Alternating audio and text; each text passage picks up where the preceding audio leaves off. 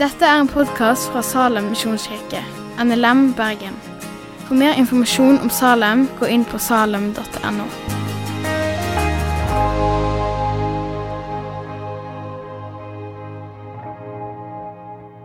Det er jo alltid lurt å starte med en vits, men jeg prøvde uh, mista egentlig humoren. Um, begynte som lærer. Uh, alltid, alltid tenkt at lærere er tørre folk. Uh, så tenkte jeg i dag jeg skulle prøve ut en vits eh, på min datter eller fosterjenta. Og egentlig så var det mer eksperiment på hvor mye ordspill skjønner hun. Ikke så mye. så jeg, hun er tre år. Så jeg, du Mariana, så jeg bare testa ut liksom sånn. så hva, vet du hva døra sa til vinduet når den ble slått hardt igjen? Så sa døra til vinduet 'Jeg dør'. Og det var, det var, et eksperiment. Det var ikke en reell vits. bare sånn at jeg Ikke tenk at det er min humor, men bare for å se liksom hvordan Men så så hun lenge på meg, og så sa hun 'Jeg skal gå og lukke døren for deg, pappa'. og så gikk hun ut, kom tilbake ti sekunder etterpå og sa 'Den var lukket'. Så tenkte jeg OK. Vi lar det være med det i, i dag, iallfall. Sånn, jeg tar ikke noen veldig store. Men vi er jo midt i en taleserie. Salem handler om visjonen vår. Og visjonen vår det er Vinne, bevare, utruste, sende, til Guds ære. Yes. Herlig. Akkurat som søndagsskolen. Vinne, bevare, utruste, sende til Guds ære. Vi har vært gjennom tre ord. Vinne, bevare, utruste. Nå er vi kommet til sende. Nå skal vi ha fokus på de tre lørdager og søndager. Tre helger skal vi snakke om sende. Så jeg skal snakke nå, og så Neste helg så skal Harald Hovland komme og snakke om menighetsplanting. Før vi får storfint besøk av eh, en meget god mann fra Ungdom i oppdrag som heter Andreas Nordli. Som skal snakke om misjon til unådde folkeslag. I dag er mitt mål å snakke om hvorfor driver vi som kirke og vi som organisasjon, misjonsorganisasjon, hvorfor driver vi misjon? Hva er greia? Eh, hva er motivasjonen vår? Og jeg, jeg, har funnet ut at det er egentlig feil spørsmål. For det tar utgangspunkt i at vi tenker at vi eh, er hjernene bak misjonen. Vi har en visjon, derfor driver vi eh, misjon. Men først og fremst så er ikke misjon en aktivitet som vi gjør. Aller først og aller fremst så er misjon det er en eh, egenskap hos vår Gud. Når vi tenker på Guds egenskap, så tenker vi kanskje først på ok, Gud er hellig, Gud er vis, Gud er rettferdig. Eh, Gud eh, kan være vred, han er barmhjertig, nådig. Men det er fort gjort å overse et grunnleggende trekk ved Gud. Det er egentlig ganske grunnleggende for vår tro og vår frelse, nemlig at Gud er en sendende Gud. Gud er en misjonerende Gud. Gud har en misjonær natur. For Bibelen lærer oss det. At Gud sender. Gud er en Gud som sender. Gjennom hele Bibelens store fortelling fra liksom, første gangen vi hører at Gud sender noen, Abraham, og helt til siste gang vi hører at Gud sender noen, en engel i åpenbaringen. Mellom der så er det hundrevis av ganger der Gud sender mennesker. Misjon er et sentralt tema. Vi ser at Gud handler Altså vi sier Gud vil at alle mennesker skal bli frelst. Men ikke bare det, han, han handler som om det er det han vil òg. Han handler etter det han har lyst. Han, han, vil at mennesker skal bli frelst. og Derfor er misjon et sentralt tema som beskriver Guds aktivitet gjennom hele bibelhistorien. Gud sender. Um, vi skal lese 2. Mosebok, kapittel 3. Eh, vers 10-15. Forskjellen eh, på eh, menighet og bibelskole er at når du sier liksom at vi skal lese, så begynner alle å slå opp på bibelskole. Der har vi menighet masse å lære. Men de av dere som har Bibel, kan slå opp i 2. Mosebok kapittel 3. Og, jeg skal lese vers 10-15. Der er det Gud som har møtt Moses. Eh, og Vi tenker ofte at Moses leder folket ut av Egypt. Men da glemmer vi å se bak Moses igjen. For hør nå. Gud sier til Moses, 'Gå av sted. Jeg sender deg til farao.' Du du skal føre mitt folk, Israels barn, ut av Egypt. Men Moses sa til Gud, 'Hvem er jeg at jeg skulle gå til farao, at jeg skulle føre Israels barn ut av Egypt?' Han sa, 'Sannelig, jeg vil være med deg.' Dette skal være tegn på deg på at jeg har sendt deg. Når du har ført folket ut av Egypt, da skal dere holde gudstjeneste på dette fjellet. Da sa Moses til Gud, men når jeg kommer til Israels barn og sier til dem, deres fedres Gud har sendt meg til dere, og de, de så spør meg, hva er hans navn, hva skal jeg da svare dem? Da sa Gud til Moses, jeg er den jeg er. Og han sa, så skal du si til Israels barn, jeg er, har sendt meg til dere. Så sa Gud til Moses, så skal du si til Israels barn, Herren, deres fedres Gud, Abrahams Gud, Isaks Gud og Jakobs Gud har sendt meg til dere. Dette er mitt navn til evig tid. Det skal de kalle meg fra slekt til slekt. Og Her er det veldig vanlig å, tenke, å slå opp noen som liksom, Hvem er Gud? Jo, Gud er 'jeg er'. Men her ser vi også at Gud ikke bare sier hva navnet hans er, men, men hva han gjør og han sender. Gud er en sendende Gud. Og Vi ser det gjennom hele Bibelen. Gud sender mennesker for å være en del av hans store frelsesplan. Han sender mennesker for å vitne om frelse, om forløsning, om nåde. Han sender dommere, han sender profeter, han sender konger, han sender Jesus sjøl, han sender apostler og sender alle kristne. Så Gud er en sendende Gud. Vi kan ikke snakke eller vi kan ikke tenke helhetlig om Gud uten å ta med den delen at han sender mennesker. Og Det er ikke bare sånn at det er Faderen som sender, eller Sønnen eller Den hellige ånd. Og Vi kan snakke om treenighet, men når det kommer til misjon, så er det faktisk enigheten i treenigheten. De er enige om det. De er enige om at mennesker skal bli frelst, og at de skal utruste og sende mennesker. De jobber sammen om dette. Jesaja får se Gud i tempelet. Og så sier Gud, etter at han har rensa Jesaja, han har frelst han, han har gitt han et nytt liv, en ny start, så sier Jesaja Da hørte jeg Herrens røst. Han sa, 'Hvem skal jeg sende? Hvem vil gå for? Den treenige Gud. Og til det så svarte Jesaja, 'Herre, jeg sender meg'. Senere i Jesaja, i kapittel 61, der finner vi et avsnitt der profeten anerkjenner at Guds ånd har salvet han til å være med eh, og forkynne gode nyheter for fattige. Og så sier Jesaja Herrens ånd er over meg, fordi Herren har salvet meg til å forkynne et godt budskap for de fattige. I en annen oversettelse står det han har sendt meg for å forsyne et budskap for hjelpeløse og fattige. Men det stopper ikke der. Fordi i Isaiah 61 så er ordet 'å sende' det er grammatisk bøyd på en slik måte at det, det er seks ting Jesaja er sendt for å forkynne. Og alle disse seks handlingene er kobla på ordet 'å være sendt'. Og alle har med frelse å gjøre, og alle har med forløsning å gjøre. Og det understreker egentlig hvor sentralt sendespråket er i Bibelen. Og jeg har lyst til å bare, liksom Hvis vi leser det avsnittet som følger Jesaja 61 i starten, og prøver å koble på norsk og på en måte vise hva som egentlig står der, så kan vi lese det på følgende måte. Jesaja sier om Gud Han har sendt meg for å forkynne et godt budskap for hjelpeløse. Han har sendt meg for å forbinde de som har et knust hjerte. Han har sendt meg for å rope ut frihet for de som er i fangenskap, og frigjøring for de som er bundet.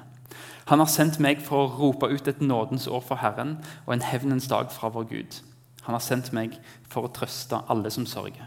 Han har sendt meg for å gi de sørgende i Sion turban i stedet for aske, gledens olje i stedet for sorg. Han har sendt meg for å gi lovsangsdrakt i stedet for motløs ånd. Jeg er sendt for, jeg er sendt for, jeg er sendt for. jeg er sendt for. Og Jesaja vet at alt han er sendt for, er å forkynne Guds barmhjertighet, Guds nåde og Guds frihet. Og det avsnittet her, det er det Jesus plukker fram når han i synagogen har sin første tale. Så når presidenter blir innsatt, så har de en tale.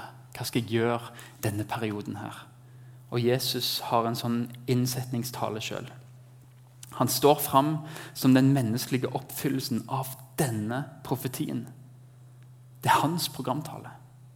Det er hans personlige mål for oppdraget på jorda. Og Jesus sier at 'det er meg. Jeg er sendt'. når dere hørte dette bli lest, det ble oppfylt her og nå, for her er jeg. Det er budskapet vi kaller evangeliet. Og Jesus er den misjonæren som starter alt. Han er den første som krysser grenser for å komme med et budskap om frelse, for å forkynne et godt budskap. Ikke bare landegrenser, men han kryssa grenser fra himmel til jord. For å forkynne et godt budskap for hjelpeløse, for å forbinde knuste hjerter. For å fri de som var i fangenskap, for å fri de som er bundet. For å rope ut nåde fra Gud. Jesus kom med turban i stedet for sekkestrier og aske. Jesus kom med kongelig olje i stedet for sorg, med lovsangsdrakt i stedet for en motløs ånd. Jesus kom som den første misjonæren. Og Hva betyr det for deg?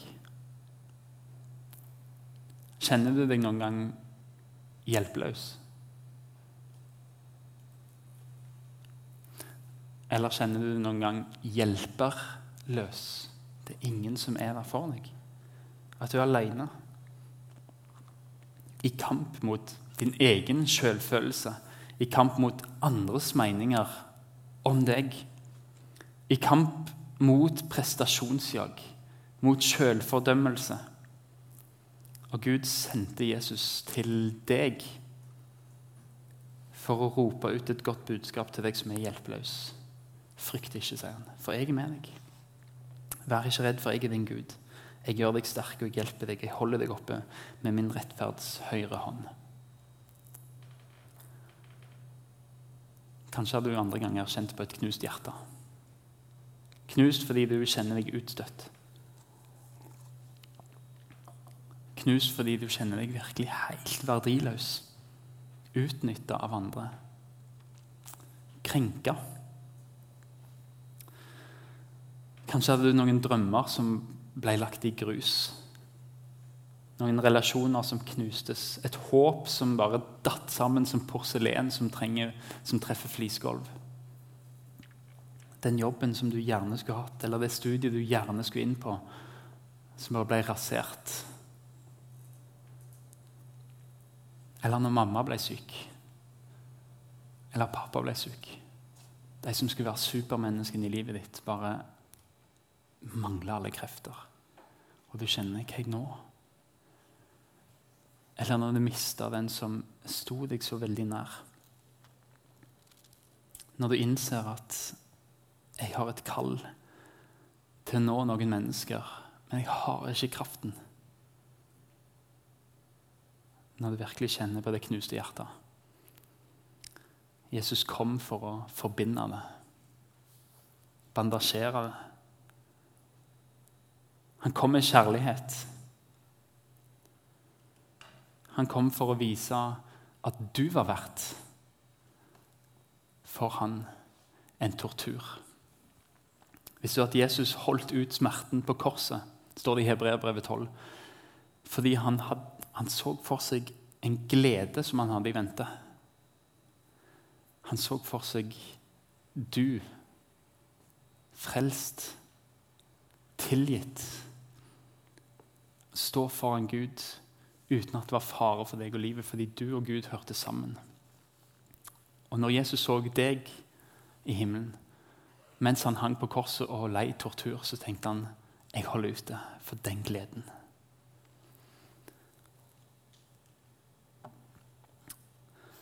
Og han vil ta bolig i ditt knuste hjerte. Han vil gi deg kraft. For han er nær hos de som har et nedbørt hjerte. Han frelser de som har en knust ånd. Det står i Salme 34. Og i verset etterpå, 34, 20, Salme 34, 20, så står det noe veldig, veldig sant. Mange ulykker rammer den rettferdige. Den hilsen får jeg ikke. Mange ulykker rammer den rettferdige, den kristne. Men Herren frir de ut av de alle. Kanskje ikke nå. Nå frihet fra synd, frihet fra skam. Men en gang frihet fra død og frihet fra undertrykkelse. Du som har et knust hjerte. Det er nettopp deg som er perfect match med Jesus.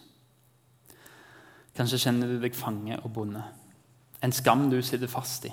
En skyldfølelse av 'det burde jeg ikke gjort'. Eller en skamfølelse fordi du tenker 'det der burde jeg gjort'.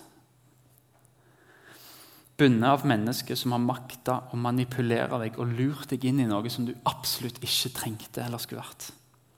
Fanga i ditt eget sjølbilde, i din diagnose, i din bås og med merkelapp som noen har greid å klistre på deg, selv om du ikke vil det.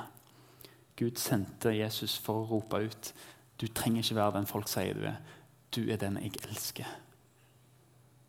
Gud sendte Jesus for å rope ut frihet for de som er i fangenskap, og frigjøring for de som er bundet. Du er den Gud sier du er uendelig verdifull, skapt i hans bilde, uendelig elska og bevist med at han ga sitt liv fordi ditt liv var verdt det. Han roper ut frihet fra skammen ved å si, 'Se på meg, så skal du slippe å rødme av skam'. For der, Når du ser på Jesus, så ser du en som elsker deg sjøl når du lukter grisebinge. Og når du kjenner at mm, her vil ingen ha noe med meg å gjøre. Det er nettopp da han heiser opp skjortelen, knytter den rundt seg og springer imot deg for å gi deg en klem og si 'velkommen hjem til meg', fordi jeg elsker deg. Her kan du være deg sjøl. Jesus vil fri deg fra skyldfølelsen andre la på deg når de tok friheten fra deg. Han vil gi deg oppreisning ved å si at du er hans bror, du er hans søster, som han er stolt over. Og Han roper ut frihet. Han kommer ikke stille for å si det til deg. Han roper ut at du er skapt, elska, du er leita etter. Han vil finne deg, og han kom for deg. Om du så var det eneste mennesket igjen på denne jord, så ville Jesus fremdeles valgt å komme fra himmelen, bli torturert på et kors for din skyld. Sånn gjør han deg fri for skam med å gi deg den uendelige verdien. Jesus ble sendt av Gud for å rope ut nådens år fra Herren. Det var et år der alle, alle som eide slaver, måtte Eller alle de som måtte selge seg sjøl som slaver. De, de, gikk konkurs, de hadde ingenting. De var sultne. Og de fant ut at jeg kan selge meg sjøl som slave. Jeg kan selge familien min som slaver. Det var noen som var Det sto så gale til med. Eller de måtte selge jorda si for å få råd til mat. Eller de måtte frasi seg masse rettigheter bare for at de skulle overleve. Og så sier Bibelen at det var et nådens år der alt skulle nullstilles. Mennesker skulle få sin frihet tilbake. De som hadde solgt seg sjøl som slaver, de skulle få bli fri igjen. De skulle få eiendommen sin tilbake, de skulle få selvbestemmelsen sin tilbake. Det var nådens år, og Jesus sier, 'Når jeg kommer' This is it. Dette er året. Vi skal tilbake igjen til utgangspunktet, tilbake igjen til Edens hage. Der du var villa og skapt og elska og kalt, og du visste det. Og du skal være sammen med Gud, der det ikke er noen skam, ingen synd, det er bare frihet, bare nåde. Jesus sier, 'Det kommer jeg for å forkynne for deg'. Derfor så kan du juble av glede, selv om du en kort tid på jord har forskjellige lidelser, fordi Jesus ble sendt til deg. Frihet fra skam, frihet fra skyld. Gud sendte deg for å gi deg festklær i stedet for aske. Er ikke det våre naturlige klær vi kler på oss om morgenen? Når du trekker fem kort fra kortsokken om morgenen som sier du er verdiløs. Hvem er du som skal greie dette studiet her? Hva gjør du på denne plassen her? Det er ingen som liker deg. Så sier Jesus ja, men jeg har trumfen. For du kan trekke kort og si jeg elsker deg, du er skapt av meg, du elsker. Og så kan du gå ut i dagen der, og i stedet for aske så kan du kle på deg den festklærne som sier at jeg er Guds barn. Gud sendte Jesus Han sendte Jesus til deg fordi han er for deg. Han var den første misjonæren som kom og satte oss fri.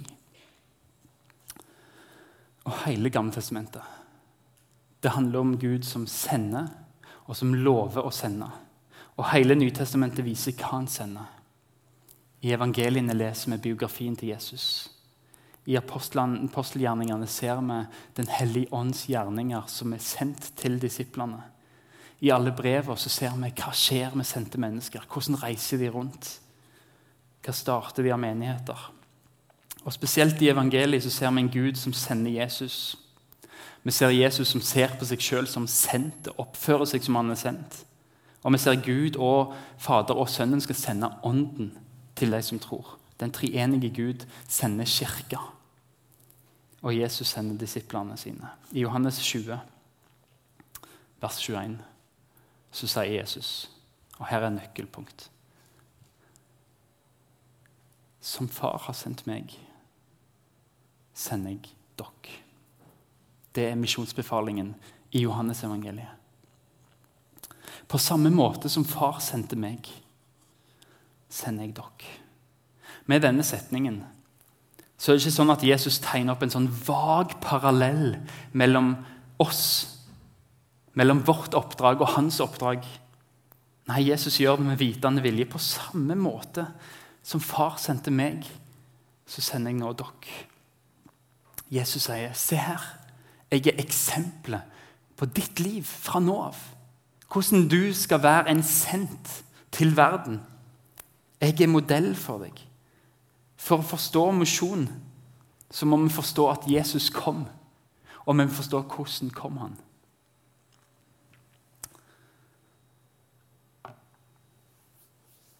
Jesus hadde alt i himmelen.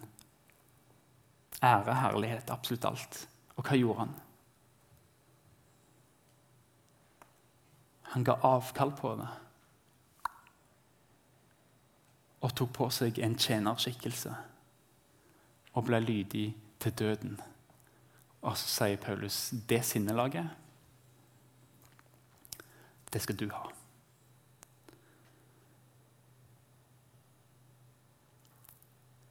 Gud er en misjonærende og sendende Gud. Og Som hans folk så skal vi være sendende og vi skal være misjonærene. Og det handler om å bli lik Jesus. Derfor er det ikke sånn at vi som organisasjon og kirke bare sender misjonærer. Nei, nei.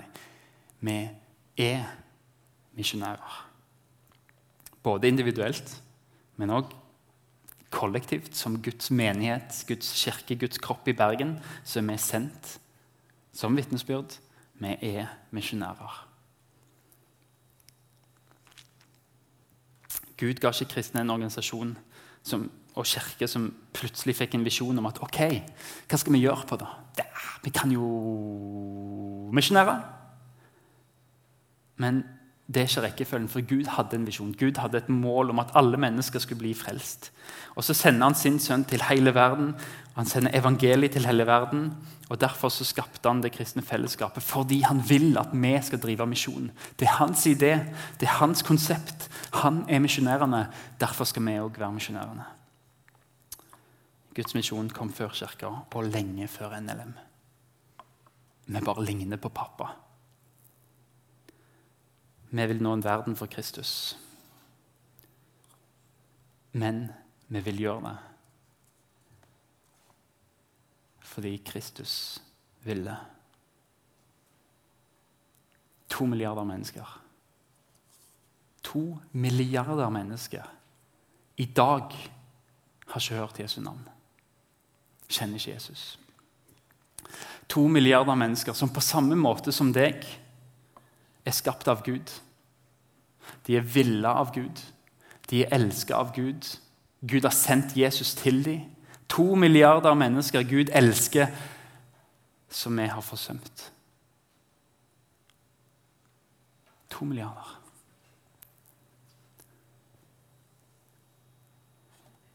En kirke som ikke driver misjon,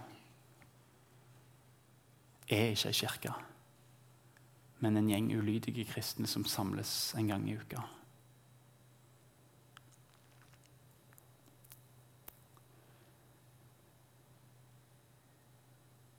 Vi vil være som Jesus. Vi vil være et sendt folk.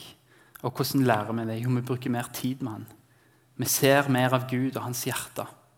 I gudstjenester, i smågrupper, i bibellesning, i bønn.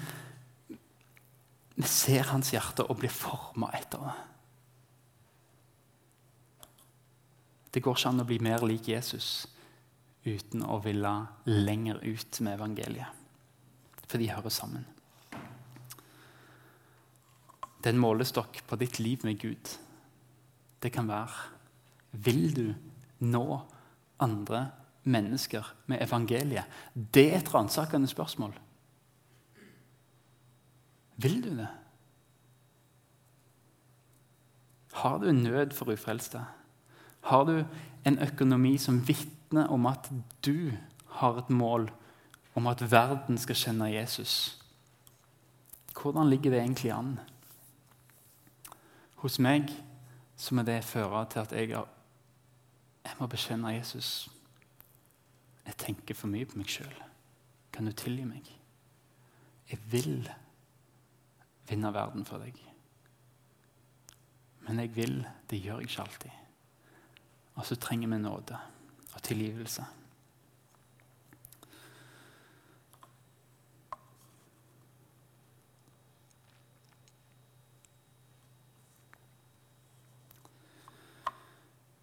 Å følge Jesus, det å være en disippel, det innebærer å være sendt.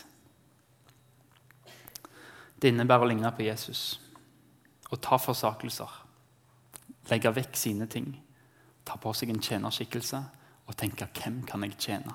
Hvem kan jeg gå til?'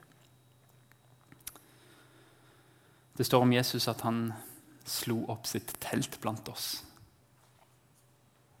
I 2021 ville vi kanskje oversette det med at han flytta inn i nabolaget.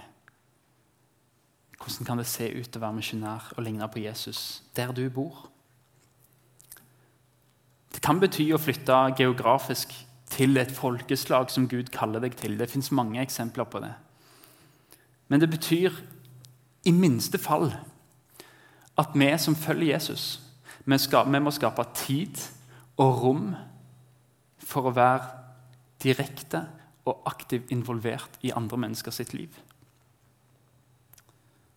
Vi må forsake noe av det vi liker veldig godt. Og vi må være nær de som vi vil flytte de som vi vil nå. Vi kan ikke være sendt til folk uten å være nær dem. For noen så handler det om å flytte. For noen handler det om å beskjære treet sitt. Det er et kristent uttrykk som betyr at du evaluerer hva i livet mitt er det egentlig som bærer frukt for Jesus. Er det noen relasjoner som faktisk drar meg i feil retning? Er det noen aktiviteter som bare stjeler tid og ikke gir meg energi? Hva kan jeg gjøre for å skape tid til å være nær mennesker jeg er sendt til? Det koster Jesus alt å vinne meg, og det vil koste oss noe å ligne på han. Jesus skal avkall på sitt eget for å tjene deg. Og vi må òg gi avkall på noe for å tjene mennesker. Som far har sendt meg, sender jeg dere. Hvor mange har lyst til å se at Gud er med? Hvor mange er det som tviler på troen? Og som tenker nei, nei, nei, jeg må bli sikker i troslivet først. Jeg har så lyst til å se at Gud er med meg, at Gud er nær meg. Johannes 28, vers 20, det står det. Og se, jeg er med dere alle dager inn til verdens ende. Det står ikke 'se, jeg er med dere' alle dager inn til verdens ende. Det står 'og se'. Jeg er med dere alle dager inn til verdens ende. Det er noe vi skal gjøre før vi ser at han er med oss alle dager. For det står et 'og' der. Og vi glemmer av og til. Av og til så, så dropper vi det òg og bare tenker 'se, han er med oss'. Nei, ikke ta vekk noe av Jesu ord. Det står 'og se'. Så det er noe vi skal gjøre før vi ser. Og hva er det?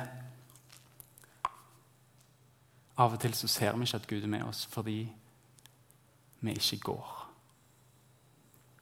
Gå derfor ut og gjør alle folkeslag til disipler. Og se, jeg er med dere. Ikke glem åget. ikke glem Åge. Og Nå har vi lest det, misjonsbefalingen i feil rekkefølge, og det er veldig bevisst, for jeg har lyst til å vise dere noe i vers 17. Disiplene kommer til Jesus etter oppstandelsen. De har hørt at han vil møte dem i Galilea, og Jesus har en intensjon om å sende dem ut. Og så står det at de fikk se Jesus i Galilea. Og da de fikk se ham, falt de ned og tilba ham. Men noen tvilte. Hva gjør mesteren? Den nådige mesteren når noen tviler. Hva gjør han? Peter, Jakob, Johannes, Judas, Thomas. Gå derfor ut og gjør folkeslag til disipler. I det dere døyper dem, og se, jeg med dere alle dager til verdens ende. Dere andre, syv stykker, som tviler. Vi tar tre år til og så går vi den samme runden som vi har gått. Og så skal dere få følge meg og få tre nye år. Så skal vi se om vi kan sende dere òg ut. Nei. Da de fikk se ham, falt de ned og tilba ham. Men noen tvilte. Allikevel så sier ikke Jesus A-laget her, B-laget der. Men Jesus trår fram midt iblant de, talte til de og sa dere tviler kanskje. Men jeg er gitt all makt i himmel og på jord. Derfor, ikke pga. deres sterke tro eller svake tro, derfor min makt, gå ut, gjør folkeslag til disipler. Og så se, jeg er med dere. Misjon er ikke bare for de som fikser det. Men kanskje kan du òg lære når du går, at du har en Gud som er med. Og så dør tvilen fordi du bare ser han er trofast. Til og med når vi er troløse, så er han trofast, for han kan ikke fornekte seg sjøl. Og Det er årsaken til at vi som kirke driver misjon. Vi har en trofast Gud som er trofast mot sine løfter. Som er trofast mot sitt kall, at alle skal få høre evangeliet. Og Selv om vi er troløse, så sender han oss, for han er trofast. Han kan ikke fornekte seg sjøl, og han vil gå med oss. Jeg har lyst til å invitere alle til forbønn. Eh, det skjer her inne i kafeen ennå. Så sant at jeg ikke har vært vekke altfor lenge. Det er forbønn i kafeen. Og jeg har lyst til å si til deg, du som kjenner, at Gud har lagt en person ei gruppe mennesker rundt deg eller et folkeslag på ditt hjerte, så jeg har lyst til at du skal gå inn sammen med en forbeder og bare si Kan du be om at Gud gir meg kraft til å gå? I dag er det ikke Det er aldri flaut å gå til forbønn, men i dag med å gå til forbønn så sier du til hele menigheten på vei ut Jeg er med på dette. Jeg blir med. Jeg har lyst til å være med. Og så inspirerer du folk rundt deg med å si jeg vil be om kraft til å gå til deg Gud har sendt meg til. La oss be. Herre Far, jeg takker deg for at du i din store kjærlighet så på din sønn i himmelen. Og helt sikkert med gråt i halsen, med tårer i øynene, sier Jesus, jeg elsker deg. Men jeg elsker òg disse menneskene på jorda. Og jeg ber deg, Jesus, om at du legger av din herlighet og din ære. At du tar på deg en tjenerskikkelse. At du drar til dem. At du lever et liv midt iblant all deres synd og død. At du sjøl erfarer døden at du med det tar på deg all deres gjeld og river det gjeldsbrevet i stykker. Og setter dem fri fra alt som binder dem. Takk, Jesus, for at du Når du visste hva det ville koste deg, så sa du til far Hvis det er mulig, så la dette begeret gå meg forbi. Jeg kommer til å bli torturert og drept. Men takk for at du også sa Men Gud, men far, ikke la min vilje skje, la din vilje skje. Du som vil at alle mennesker skal bli frelst og lære sannheten å kjenne. Takk, Jesus, for din lydighet. Og jeg ber om at du skaper i meg en vilje som ligner på din. Til å følge lydig, koste hva det koste vil. Takk, Hellige Ånd, for at du bor i de som tror. At du utruster oss med nådegaver, med åndens frukt, med et vitnesbyrd som vi kan forkynne med kraft. Men Hellige Ånd, jeg ber om at du taler til oss. Lærer oss å gå dit du sender oss, og gir oss et lydhørt hjerte. Gud, send oss. Vis oss hva du vil si å være sendt. Og jeg ber nå at du taler til hver enkelt om hvem du sender oss til, og hvor du sender oss. Men la det være stille i noen sekunder. Helligånd, tal til våre hjerter. Kall, kall på oss nå. Jeg ber, Jesus om at du kaller på businessfolk, at du kaller misjonærer, at du kaller pionerer, at du kaller kirkeplanter, at du kaller evangelister, at du kaller hvem som helst. Kall oss nå, Herre. Vi er stille for deg. Jesus de oppdragene du gir oss, vi ønsker å følge, men vi kommer til å være troløse. Men takk for at du er trofast, og du ikke kan fornekte deg sjøl, og du vil gå med oss.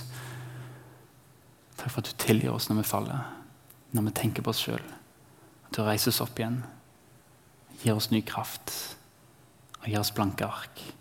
Og la oss få være vitnesbyrd om deg, Jesus. I ditt navn. Amen. Takk for at du har hørt på podkasten fra Salem, Bergen.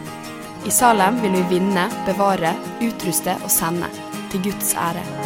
Vi ønsker å se mennesker finne fellesskap, møte Jesus og bli disippelgjort her i Bergen og i resten av verden. Vil du vite mer om oss, gå inn på salem.no.